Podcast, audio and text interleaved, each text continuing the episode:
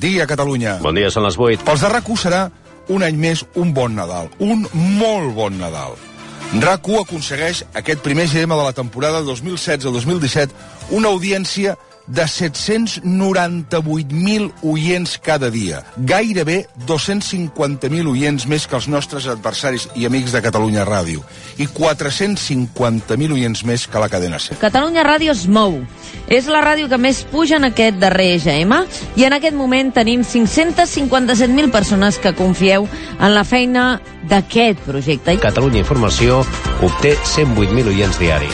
El programa que esteu escoltant, el Món RQ, continua sent un EGM més el programa més escoltat de la història de la ràdio a Catalunya, arribant, en aquest EGM, als 580.000 oients de 6 del matí a 12 del migdia. Nosaltres, al matí de Catalunya Ràdio, hem crescut. Sou 448.000 oients, que són molts. El programa de matí que més creix, també. Aquesta hora que esteu escoltant, de 8 a 9 del matí, és l'hora més escoltada de la ràdio en aquest país amb 300.000 oients que sintonitzeu cada matí al món RAC1. I en només dos mesos, l'audiència ens diu que el tren avança, sense canviar de via, sense renunciar al servei, gràcies a l'equip que dona la cara per tots. Algun dia s'ha de dir, i avui em venia molt de gust dir-los-ho. Gràcies. A mi el que m'agrada és això que estic fent ara.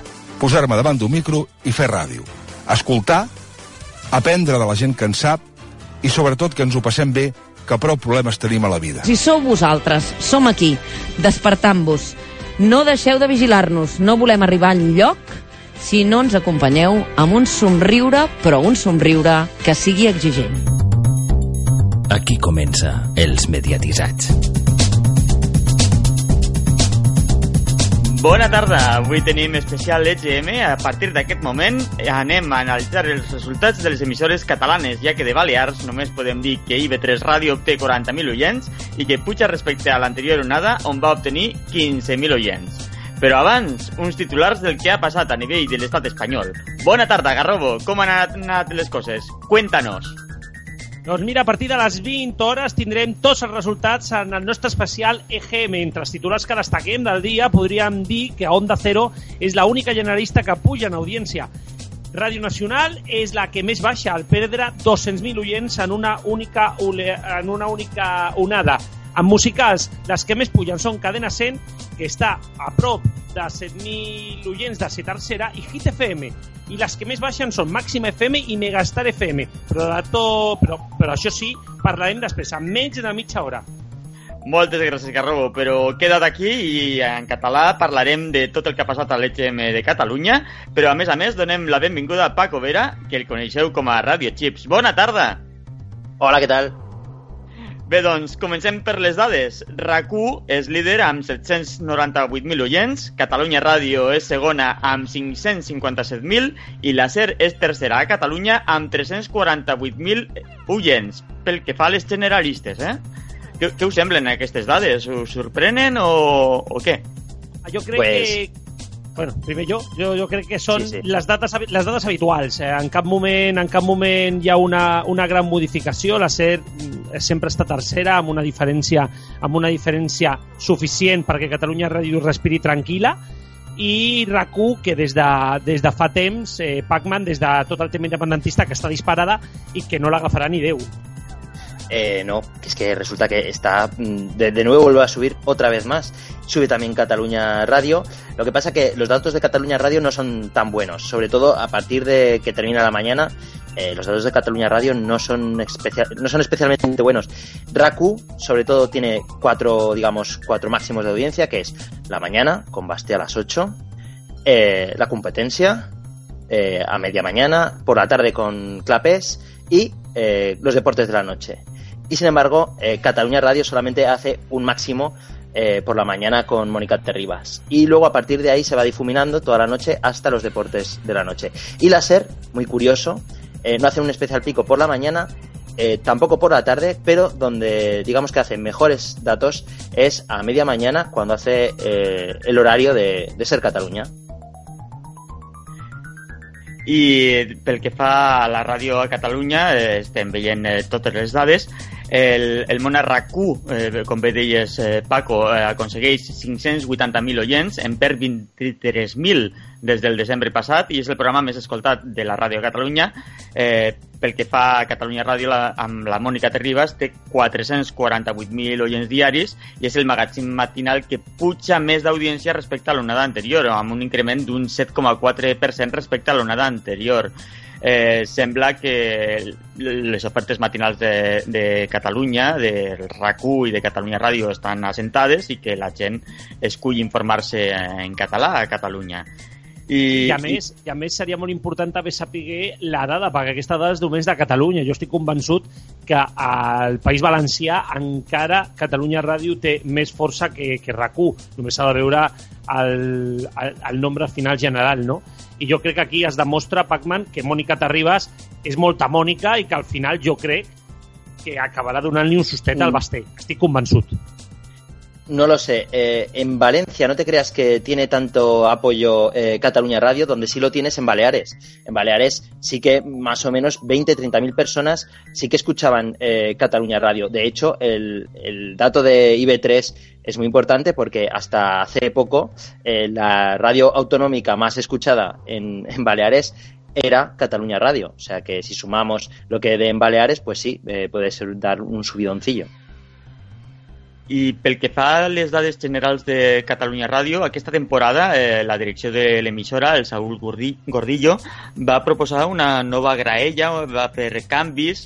Eh, com, com heu vist el resultat d'aquests canvis? Per exemple, eh, el pitxatge frustrat d'Albert Tom per part de Catalunya Ràdio i que finalment es va anar a fer Islàndia a rac i, i mirem els resultats. El Catalunya Vespre amb Client Sevilla i la Sílvia Còpulo aconsegueix una audiència diària de 60.000 oients, el Tot Costa amb Jordi Costa i Sonia Gelmà 57.000, mentre que a rac el programa d'Albert Tom Islàndia debuta amb 110.000 seguidors amb una xifra inferior a la que tenia eh, eh, eh, fa un any primer eh, el primer toc, que arribava als 143.000 oients. Jo només dic que el regal, el regal que li va fer Catalunya Ràdio a rac de l'Albert Tom, eh, bueno, està allí. Jo no crec que sigui al final tan gran fitxatge com, com s'espera, eh, encara que és bo, eh? El que passa que el programa Pac-Man a mi no m'acaba de convèncer. El programa es muy mediocre. Como decía, no me acuerdo quién en el blog, eh, hace poco, es un programa para tietas. Y la verdad bueno, es que en cuanto... Eh, sí. eh, en cuanto a la audiencia, pues simplemente, eh, digamos que no hace absolutamente ninguna subida de audiencia, simplemente deja, deja bajar la audiencia de Raku. O sea que, de momento, de revulsivo, revulsivo, más que un regalo, no sé si ha sido un regalo un poquito envenenado. No, no, jo, jo estic convençut que, que al final li, ha, li sortirà bé la jugada a Catalunya Ràdio, encara que tinguem molt que, que l'arribada d'Albert Tom a RAC1 és senzillament els directius de, de la CCEMA eh, no van apostar per agafar l'OM fins que no va, no va fitxar per, per RAC1, no? Llavors, bueno, sempre, sempre es diu no, que al final al final RAC1 es més la pública catalana que la propia Cataluña Radio. Sí, eh, hay que decir que ah, precisamente en la, en la hora de, de Islandia eh, es precisamente cuando Cataluña Radio se hunde más y cuando al balcón de, de mm, ser en Cataluña eh, tiene sus mejores datos, tiene ahí un repunte, con lo cual, de, de hecho, hace mejores resultados que Francino. Con lo qual, bueno, eh, és en que és molt a... important, és, és que és molt important que la SER cada vegada que, que fa programació en català es dispara. Sí, és molt Ràdio. Barcelona es dispara cada vegada que fa programació en català. Jo el que no entenc com, com la SER cada vegada la redueix. Tindria que Y sin embargo, y sin embargo, el dato de Sercat, que es la versión B de la cadena Ser hecha en catalán, eh, hace peores resultados incluso que Ona FM. O sea que mm, no sé exactamente dónde está el truco.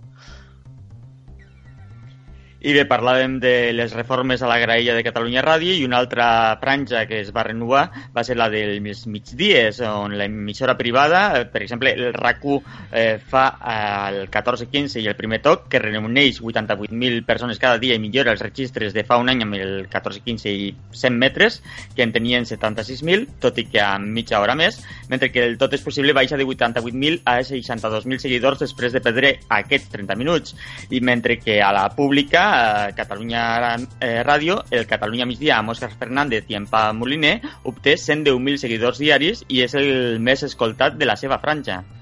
En Pam Moliner està, està sent, jo crec, que la periodista revelació, faci el que faci, té follon i té bona audiència. O sigui que, bueno, jo crec que no deixa de ser... Bueno, aquesta és la franja, aquesta és la franja sempre de Catalunya Ràdio i de la cadena SER. Aquí, aquí Sí, doncs la gent de, de RAC1 mai ha pogut fer gran cosa, eh? No, eh, de hecho son líderes porque, porque vienen de muy alto, pero realmente quienes se sostienen bien son los de Cataluña Radio. Sin embargo, la SER en ese tramo, digamos que no funciona tan bien. Eh, el tramo de 3 a 4 de la tarde, la verdad es que los deportes mm, en general eh, en SER Cataluña a esa hora no terminan de funcionar. Eh, hacen una audiencia, digamos, que sea que es casi la mínima de todo el día. Sí, no, no, em referia jo, quan parlava de la cadena SER, em referia a quan, quan acaba el Basté, de 12 Sí. cap endavant és Catalunya Ràdio, Catalunya Ràdio i la SER comencen a guanyar força. Sí, de RAC1 hecho es la SER la que, la que gana fuerza. Es eh, Cataluña Radio cuando continúa su bajada, digamos. Exactament. Parlaves, eh, Garrobo, de quan acaba Baste, que és el que passa, eh, la competència i la segona hora baixen en audiència. La competència aconsegueix 201.000 oients, eh, perd 11.000 oients, i la segona hora obté 146.000 i en baixa 19.000, mentre que Pop-Up a Catalunya Ràdio amb Mariola Dinarès obté 59.000 oients. Jo crec que aquí les baixades de RAC1 són les habituals de tot un EGM, o sigui, goma per arriba, goma per abajo. No, no, Sí, té, és una- no té molt més. Es una bajada mínima y hay que decir que eh, el caso de la competencia es el único caso de toda España que eh, en el que un programa a mitad de mañana o digamos que a mediodía eh, hace un pico de audiencia tan alto. La verdad es que por mucho que haya bajado, que ha bajado muy poco, eh, este pico de audiencia se ve clarísimo todavía. I abans parlàvem de, de l'oferta informativa, dels migdies, de la tarda.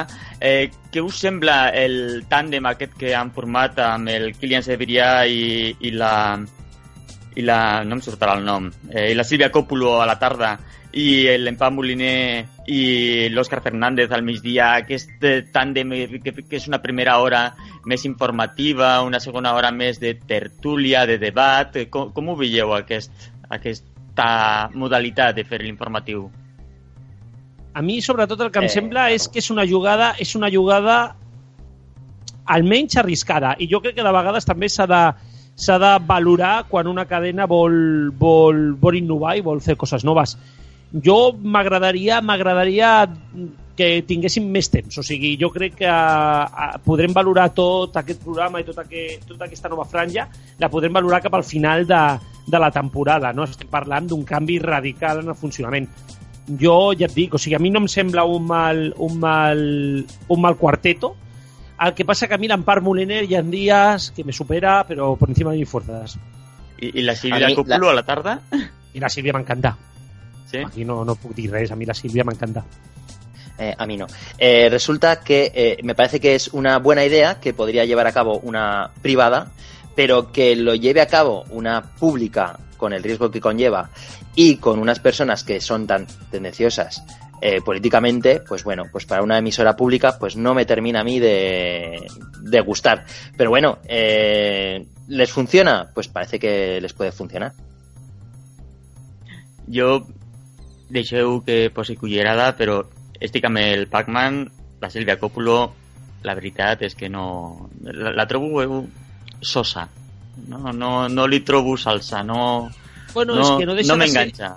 no deixa de ser una veu per, per una cadena una cadena pública. A mi la Sílvia Còpolo sí que és cert, eh, estava al cap de setmana, no, la Còpolo?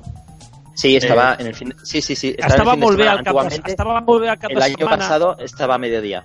Clar, al estava molt bé al cap de setmana perquè perquè sonava molt més tranquil·la i tal. Per això dic que jo crec que s'ha de deixar una miqueta de temps per agafar, per agafar embrancida a la tarda, Sí, que pero jo crec eh, que hay és bona decir- periodista, eh? que Encara decir- més, enllà, més enllà del seu posicionament, perquè si parlem de posicionaments, fill meu, mm, no hi ha ràdio que se salve. Bueno, només són Ja, de però és que, que és... Però esta és pública. I també Ràdio Nacional, i jo què sé, no? Sí, sí, pero sin embargo Radio Nacional no está tan significada polí- políticamente como lo puede estar Cataluña Radio. Ara, Eh, Ahora, quiero decir, claro, es que antiguamente, oye, esto es otra historia. Pero bueno, eh, el gran problema de Cataluña Radio es que es la radio mm, más vieja de Cataluña. No tanto en cuanto a años emitidos, sino en el perfil de audiencia. RACU tiene a la gente joven y Cataluña Radio tiene a la gente más vieja. Y desde luego, eh, con gente como Silvia Cópulo, mm, no le viene mal para fidelizar a esa audiencia más bien vieja, pero desde luego, eh, con este perfil de persona que hace radio, eh, desde luego RACU tiene todas las de ganar en un futuro. Ja, però per això deia que, que és un bon fitxatge ara mateix la Sílvia Còpolo per poder, per poder assentar la base de Catalunya Ràdio. I jo crec que al final Catalunya Ràdio eh, havia passat una, una temporada de moltes baixades i pujades molt, molt estranyes i el que ha de fer és intentar començar a créixer de mica en mica i, i jo crec que amb fitxatge com la Sílvia Còpolo no crec, ja et dic, no crec que l'Empar Moliner sigui, sigui un bon fitxatge, però bueno, hi ha subirendes nois en aquest cas, però bueno, és que sí que és cert que hi ha, hi ha unes periodistes a Catalunya Ràdio de bandera, no?, que se diria que es diria la resta de l'Estat i que, i que clar, mm, ja et dic, o sigui, jo crec que la Sílvia sí que és cert que va millor el cap de setmana, però jo crec que una tarda de Catalunya Ràdio, no de rac eh, de Catalunya Ràdio, pot funcionar. Uh -huh. I el Pacman també parlava de rejuvenir l'audiència de Catalunya Ràdio i crec que una de les apostes que ho, ho ha intentat és l'estat de Gràcia, amb Roger de Gràcia cada tarda, que aconsegueixen aquesta onada, la, la primera per al programa, de 73.000 oients i a la mateixa hora tenim versió RAC1 que perd 96.000 però que es queda amb 164.000 jo crec que això de, re, de, re, o sigui, de, de, de, de buscar el públic més jove, no? de, re, de rejuvenir l'emissora, és com, com el que fa Televisió Espanyola amb, amb el Ministeri del Tiempo. O sigui, sí, molt bé, una experiència i una franja d'una hora, però no serveix de res. Al final, o fas un canvi a tota l'emissora o, o l'únic que fas és portar audiència en aquella hora. Clar, com a la ràdio es fan els acumulats, si tota la gent que entra que escolta aquest programa és nova, doncs claro, te, te funciona. Sí, yo también pienso que toda la programación de la radio tiene que ser más o menos coherente porque si no, eh, realmente lo que hace es, es, eh, no fidelizar a nadie y quedarte sin nadie. Así que si Cataluña Radio realmente quiere rejuvenecerse, tendría que ir un poco a poco, pero desde luego marcando la tendencia hacia más jóvenes, desde luego no eh, fidelizando a la gente más vieja. Em consta que el director de Catalunya Ràdio, el Saúl Gordillo, és el que vol fer. El que passa és que, de vegades, el pressupost no acompanya i que no li deixen fer tot el que ell voldria fer. Així doncs que, que parli en la CUP. I ara anem a, a una franja on aquest, aquesta temporada, aquest inici de temporada ha estat molt moguda. És la franja de la nit amb els esports. El Club de la Mitjanit, amb Francesc Garriga, arriba als 78.000 oients, puja un 28%. Recordem que el programa també s'emet al mateix temps pel canal de televisió Esport 3 i eh, a RAC1 tenim el Tu diràs, que es manté pràcticament estable, tenia 117.000 seguidors i ara n'obté 116.000 després de guanyar mitja hora eh, el, el, el tu diràs és, és la Sereníssima, o sigui, no es mou. És molt estrany que pugi, que, que vagi moltíssim. Sí que és cert que va, que va ja, al final les dades de, de la nit ballen. I el tema del Club de la Mitjanit, a mi això de fer programes per la tele i per la ràdio... Sí, com que no. No acaben eh... de ser de tele i no acaben de ser de ràdio, no? Exacte. A mí lo que me... Pues claro, eh, sabemos que el tema de las noches en toda España ha sido precisamente las noches deportivas, pero claro, aquí teníamos el caso de que se fue eh, Dani Senabre, se fue, digamos, no de una manera muy conforme, no. eh, y estaba el tema de qué pasará, qué pasará con la el sanidad, la, la, la sortida del Sanabria, del Sanabre em va recordar totes les sortides que hi ha habitualment a, a, a la cadena SER. Sí, cuando alguien se va de esos sitios, pues no se va nunca sin hacer ruido. Hizo mucho ruido y bueno, la pregunta es qué pasará con el programa. Y bueno, eh, al final se ha saldado todo con una subida de Cataluña Radio. Pero bueno, parece que nada más se ha movido. Eh, igual que ha pasado casi en, en, en toda la radio española. I a la matinada a Catalunya Ràdio tenim un programa que porta ahir la pila d'anys, la nit dels ignorants, en aquest cas la nit dels ignorants 2.0 amb Xavi Solà, que augmenta fins als 23.000 seguidors. Puja, puja d'audiència. Sí, però el que passa amb les nits a Catalunya és molt, és molt, import, és, és molt estrany, eh? perquè la COPE la COPE aquí juga un paper molt important. Hombre, esos momentos, esos momentos. Esos momentos que, que a Catalunya funcionen com un tiro eh, i, que, i que no tenen competència fàcil, eh? I- sí i que nit dels- sí que sé que la nit dels ignorants és un clàssic i allà continuarà i no té un mal resultat. Però... Y precisamente la- el único momento en que Raku no es líder es de madrugada, que es cuando dicen, bueno, eh, nosotros nuestro esfuerzo lo vamos a concentrar a lo largo de unos puntos del día y de madrugada simplemente pondremos reposiciones y ya está. Y no les importa no ser líderes en, en una zona, en una franja en la que realmente no, no hay tanta gente escuchando. Así que el resto se aprovecha, se encarama y es cuando Raku es menos líder y cuando el resto, pues bueno, hace sus mejores datos. Doncs bé, passem ja al cap de setmana on el suplement amb Ricard Ostrell al matí obté una audiència de 272.000 oients els dissabtes i 199 190.000 els diumenges, mentre que el magazín esportiu Tot gira amb David Clopés aconsegueix en aquesta onada 74.000 seguidors els dissabtes i 196.000 els diumenges.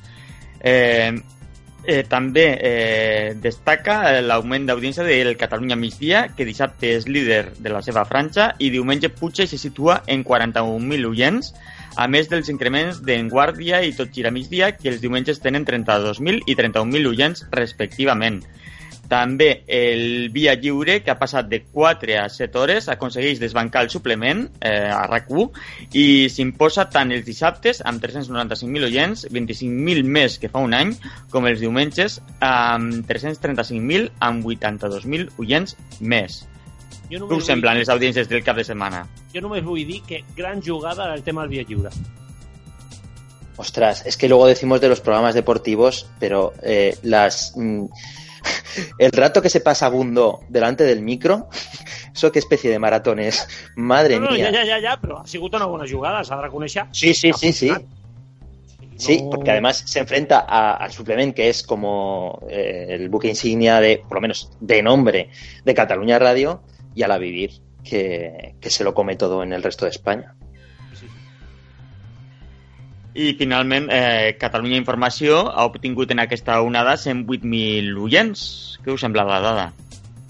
jo crec que Catalunya Informació no deixa de ser una ràdio molt estable també, o sigui, em recorda molt a, a les dades de, dels programes esportius. O sigui, és molt estable i, i és una ràdio que funciona. Pe- Però No, no si, us fixeu, si us fixeu, fa, fa un any tenia 123.000, ara 108.000, en cada onada ha anat baixant, primer molt feble, de, 23, de 123 a 120, a 119, ara a 108.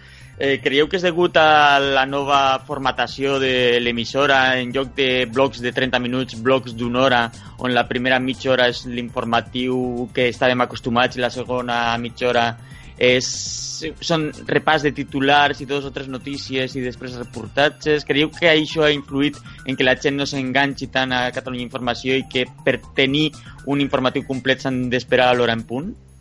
Jo aquí t'ho dirà millor Radio Chip, el que passa que quan hi ha unes audiències tan baixes, estem parlant d'unes baixades de 30.000 oients que molt probablement les recuperaran. Jo crec que no deixa de ser un, un, un ajust. Pot ser, eh? Son- Pot ser sí, son unas bajadas muy, muy pequeñas. Son unas bajadas muy, muy pequeñas. Y sobre todo si comparamos eh, Cataluña Información con eh, Radio 5 para toda España, la audiencia. Res a Catalunya veure, eh? A veure un format amb No, claro, efectivamente. eh, eh, digamos que digamos que sirven para lo mismo, pero eh, Cataluña Información aguanta muchísimo mejor en Cataluña que Radio 5 para toda España. O sea que realmente eh, no sé si la bajada es muy grande, que no lo es, pero desde luego aún así está aguantando mucho mejor que Radio 5. O sea que lo hayan hecho como lo hayan hecho, eh, la fórmula de Cataluña Información está mejor que la de Radio 5. Això és indiscutible. I ja que hem començat amb les temàtiques, passem a la temàtica musical, on Flashback és líder eh, amb 316.000 oients, Flash FM anota 274.000 i RAC 105 es queda amb 197.000 oients a Catalunya. I Catalunya Música, que també és musical però d'un altre estil, amb 34.000 oients. No, no, i a més dir que, que los 40 ha obtingut 270.000, continua sent la, la, tercer, la segona cadena, però ojo, perquè, perquè Flash està només a 3.000 a 3.000 oients. Després va Dial, Europa, Cadena 100, Rock FM, RAC 105, Radio Teletasi, M, eh, M80, bueno, eh, hi, ha, hi ha moltíssimes que jo sí que crec que aquí el que passa sempre, o sigui, Flashback i los 40 porten un baile que no acabarà mai i ara està, mm. està un davant, un altre darrere, i jo no crec que aquí no siguin ni jugades de, de millor o pitjor programació, sinó que crec que és la pròpia dinàmica de l'EGM Catalunya, que recordem que, que es fa per telèfon i per tant pot tenir més, més viratges, i que jo crec que són les dues grans cadenes musicals de Catalunya i, i com a tal han de ser reconegudes. No sé, pero ahora en audiencia, la verdad es que la diferencia entre Flashback y los 40 y el resto de perseguidoras no es tan grande. No, y no, no. Ahora mismo es un baile en el que en el próximo EGM podríamos decir que podríamos apostar a que puede ser líder Flashback, los 40, Flash, Dial, eh, Cadena 100, Europa, Europa, no sabríamos decir. Es que, y es que... ojo que se une a la fiesta Rock FM. Rock o sea FM que... té a Catalunya 200.000 201.000 oients.